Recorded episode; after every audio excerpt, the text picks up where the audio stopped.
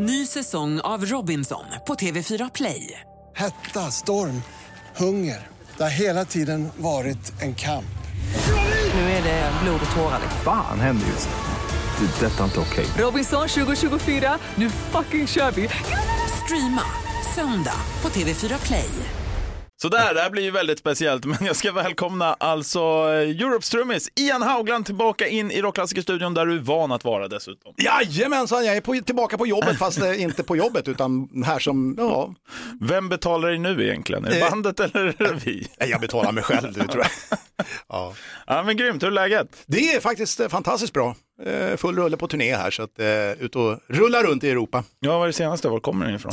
Eh, ja, vi har ju varit ute nu, senast spelade vi ju i, eh, var det, Tyskland och sen så, nej, Norge, förlåt. Eh, vi spelade i Oslo nu senast. Ja. På det här fantastiska operahuset som, som är där, ser ut som en skidbacke ungefär. Det blir typ hemmaplan för dig då man. Ja, det kan man säga. Ja. Kul. Så det var, ja, det var, det var ascoolt. Du, kvalitetsorkestern som du även brukar kalla det så fint, ångar ju fram här nu. Hur är egentligen stämningen i bandet? Ja, men vi är nog ganska förvånade över att det har blivit sånt otroligt eh, tryck och drag på, på biljetter. Alltså mer eller mindre hela eh, liksom, turnén är ju slutsåld. Alltså. Eh, och som sagt, vi spelade i Tyskland här, gjorde vi tre spelningar och, och tyskarna har alltid varit lite så här resignerade till Europe. De har gillat oss men ändå inte riktigt varit så här eh, total dedikation. Men nu under de här tre konserterna som vi spelade, då var det verkligen liksom fullt ös och slutsålt och folk stod utanför och bankade på dörrarna och ville in. Liksom sådär. Så att, eh, ja, men det känns som att det är på något vis är någonting som bubblar i in, in the undertow på något vis. Ja, och nu är det ju spelning ikväll på Cirkus, den första av tre i Sverige då, och sen blir det även 30 och 31 oktober på Cirkus. Allting är slutsålt som du säger. Ja. Är det för att ni gillar cirkus som ni väljer det, som, eller varför blir det just det? det Nej, det är, jag är ju en clown. Tänkte att det passar bra. Ja, nej, men alltså cirkus det är ju ett sånt där ställe som är både, alltså man har ju sett en hel del band som har spelat där och det är ju liksom, det är intimt men samtidigt så är det ändå eh, rymligt på något vis sådär. Och eh, sen är det, jag vet inte, hela den här turnén som vi gör nu är, är ju uteslutande på um, teaterlokaler och i så här, ja, den typen av eh, venues. Så att det blir liksom en, det blir liksom en, en kombination av klubb och, och arena på något vis. Man kommer nära publiken och man kan bjuda på en, en liksom eh, väldigt kompakt show på något vis. Det blir, eh, det blir en, en mera mano e mano upplevelse än om du spelar på en stor stadium som, som Metallica, liksom, där man knappt ser vart bandmedlemmarna är någonstans. Springer runt där nere på någon scen som är utspridd över hela fotbollsplanen. Ja, ja. För strålkastaren. Ja, precis. Ja, ja, ja. men det jag fattar. Ja, men det är rätt mysigt. Ni har ju lirat där senast jag såg er också faktiskt, just på Cirkus. Ja, just det. Ehm, hur kommer det sig egentligen att det är så här uppdelat? Att det blir en idag och sen två i slutet av oktober? Nej, men det var ju, eh, ja, biljetterna släpptes ju till eh, första konserten den 9 nu ikväll. Och de gick ju åt på en gång. Och då beslutade ju då Live Nation att vi måste ju, eh, ja, helt enkelt lägga upp fler gig. Men då var ju då eh, datumen direkt efter bokade för andra aktiviteter som de inte kunde flytta på. Så att det var helt enkelt av logistiska anledningar som ni hamnar på 30 och 31 också. Då. Ehm, hur är det egentligen nu när ni går in, för det, det har ju släppts en ny låt här nu. Hur är det att gå in och spela in ny musik med grabbarna? Ni har varit ihop så jäkla länge, Ja. tänker jag, 40 år eller något sånt. Och, Ja, alltså det är alltid roligt att gå in i studion och, och skapa nytt, för det, det är ju liksom ändå, det är ju därför man håller på med det här, för att liksom skapa och för, och det är en stor, en stor del av, av glädjen att, att spela musik, det är ju att skapa musiken. Liksom. Så att ny musik är alltid skitroligt att gå in i studion och jobba med, för det, det är ju, eh, jag brukar säga, så i- när man jobbar i studion, det är då man också utvecklar sig själv som, som musiker. För man får liksom eh, ransaka sig själv på ett annat sätt. när man står på scen och spelar låtarna live, då har man liksom redan repat in det. Då är det mer att man ska presentera en show. Eh, givetvis så får man ju, eh, ja, man lär sig ju saker och ting hela tiden. Men just i studion så är det, då är det liksom fokus på den biten. Så att ehm, det har varit, det var skitkul att spela in den här låten och jag hoppas att vi, vi kan eh, fortsätta producera här nu så fort som möjligt. Hold your head up heter låten, vi premiärspelar den här på Rockklassiker också. Eh, känner du så? Att eh, ni kan under, alla, alltså under din karriär här nu då, hålla huvudet högt? Liksom, Ja, det tycker, alltså. det tycker jag definitivt. Alltså, och jag känner det också med den här turnén som verkligen eh, visar på det att fan grabbar, ni är inte så jävla eh, taskiga ändå. Alltså, håll upp huvudet och var stolta nu va? för det som ni har eh, producerat och kre kreerat genom åren. Så att absolut, alltså man får, ju längre man håller på, ju mer tacksamhet känner man givetvis för att man har fått göra det man, man gör och bygga det här och, och, och även, eh, ja vad ska jag säga, det är ju en kombination av att man också är lite förvånad över att fan, det är snart 60 bast och fortfarande gör jag det som jag började med som 15-16-åring. Ja. Liksom. Och har kunnat livnära mig och vara liksom aktiv som musiker hela livet. Det är, ju, eh, det är ju någonting att hålla upp huvudet för och känna sig stolt över tycker jag. Ja men verkligen. Vad skulle, vad, vad skulle du säga, ja, det kanske du svarar på där redan nu, men vad är liksom det du är mest stolt över? Eh, att man sitter här idag. Att man är, har kommit så här långt med det som när man började som, som 15-16-åring bara var liksom en, eh, vad ska vi säga, en dröm, en drivkraft som man inte riktigt kunde definiera. Vad är det, var, var, vart är jag på väg? Vad är det jag vill göra egentligen? Jag vill spela trummor, jag vill spela med ett band, jag vill stå på en scen och, och, och få publiken att må bra. Liksom. Det var kanske de tankarna man hade initiellt. Men att man då, som sagt, 40 år senare sitter här och, och har liksom eh, lyckats, lyckats med detta och, och utvecklar det till någonting helt fantastiskt som har spridits över hela världen, eh, påverkat människors liv över hela världen och, och, och fortfarande än idag liksom känner den uppskattningen som vi får när vi är ute och spelar. Liksom. Eh, jag kan inte säga, det är omöjligt att säga en, en, viss, en, en viss händelse, men bara det faktum att vi sitter här idag och kan liksom åtnjuta liksom, eh, summan av det vi har eh, skapat hittills. Eh, har du tvekat någon gång? Jag tänker, för ni fick ju ändå vara med om dels grunge-eran där och sen även pandemin här nu liksom och sånt. Eh, Har det liksom varit någon gång när man bara, fan, det här, Ja, alltså grunge-eran, när den kom så var det liksom lite grann, vad ska vi säga, det var mer som sista spiken i kistan för, för Europe just då. Därför att det var inte bara grungen som, som kom, eh, vi hade även, vi hade ju legat ute och turnerat ganska hårt under tio års eh, tid. Vi hade liksom ingen hem, eh, hade inga, i, ingenstans där vi var förankrade utan vi var alltid ute. Vi levde i resväska på, på turné mer eller mindre kan man väl säga. Eh, vi hade problem med vårt management.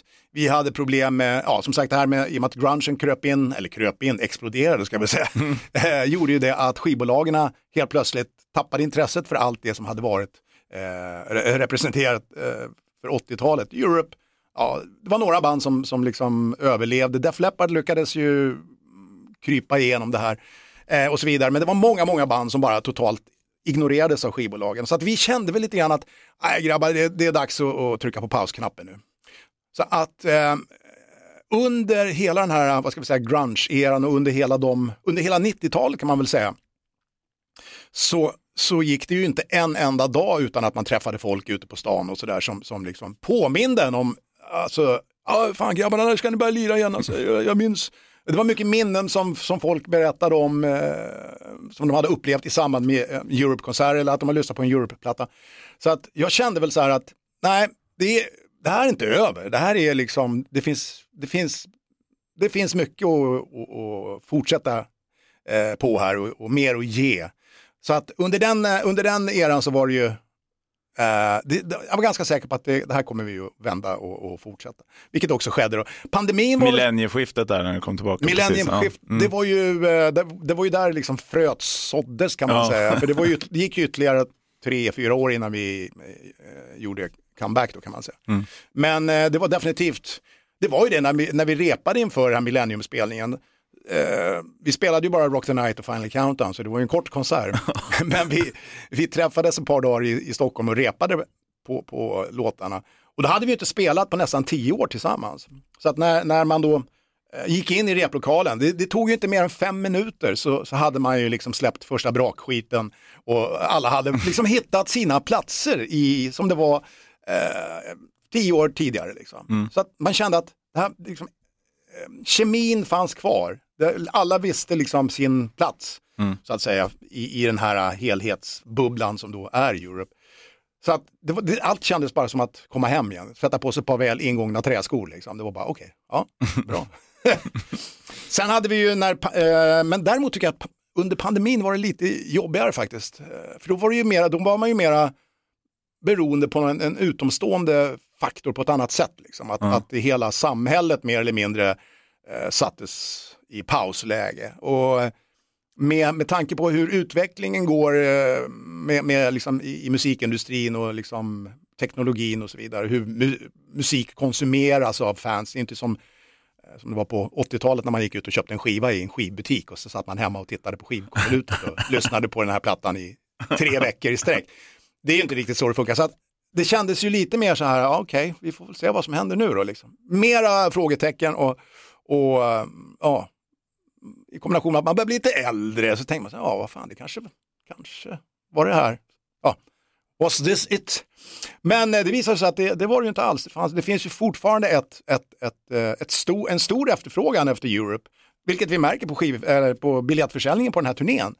Att, att eh, folk vill komma och se oss och folk, vill höra våra låtar. Och även den nya låten Hold Your Head Up funkar skitbra när vi spelar den live. Det blir liksom ett, det blir som en överbryggning på något vis. Ja. Det blir som en liten så här botox-injektion mitt under konserten där som liksom lyfter, slätar ut rynkorna på bandet. Ja, klockrent. Jag tänkte på det, filmen som är på gång, den är lite försenad nu, men jag har hört rykten att du som vanligt är lite linslus på den.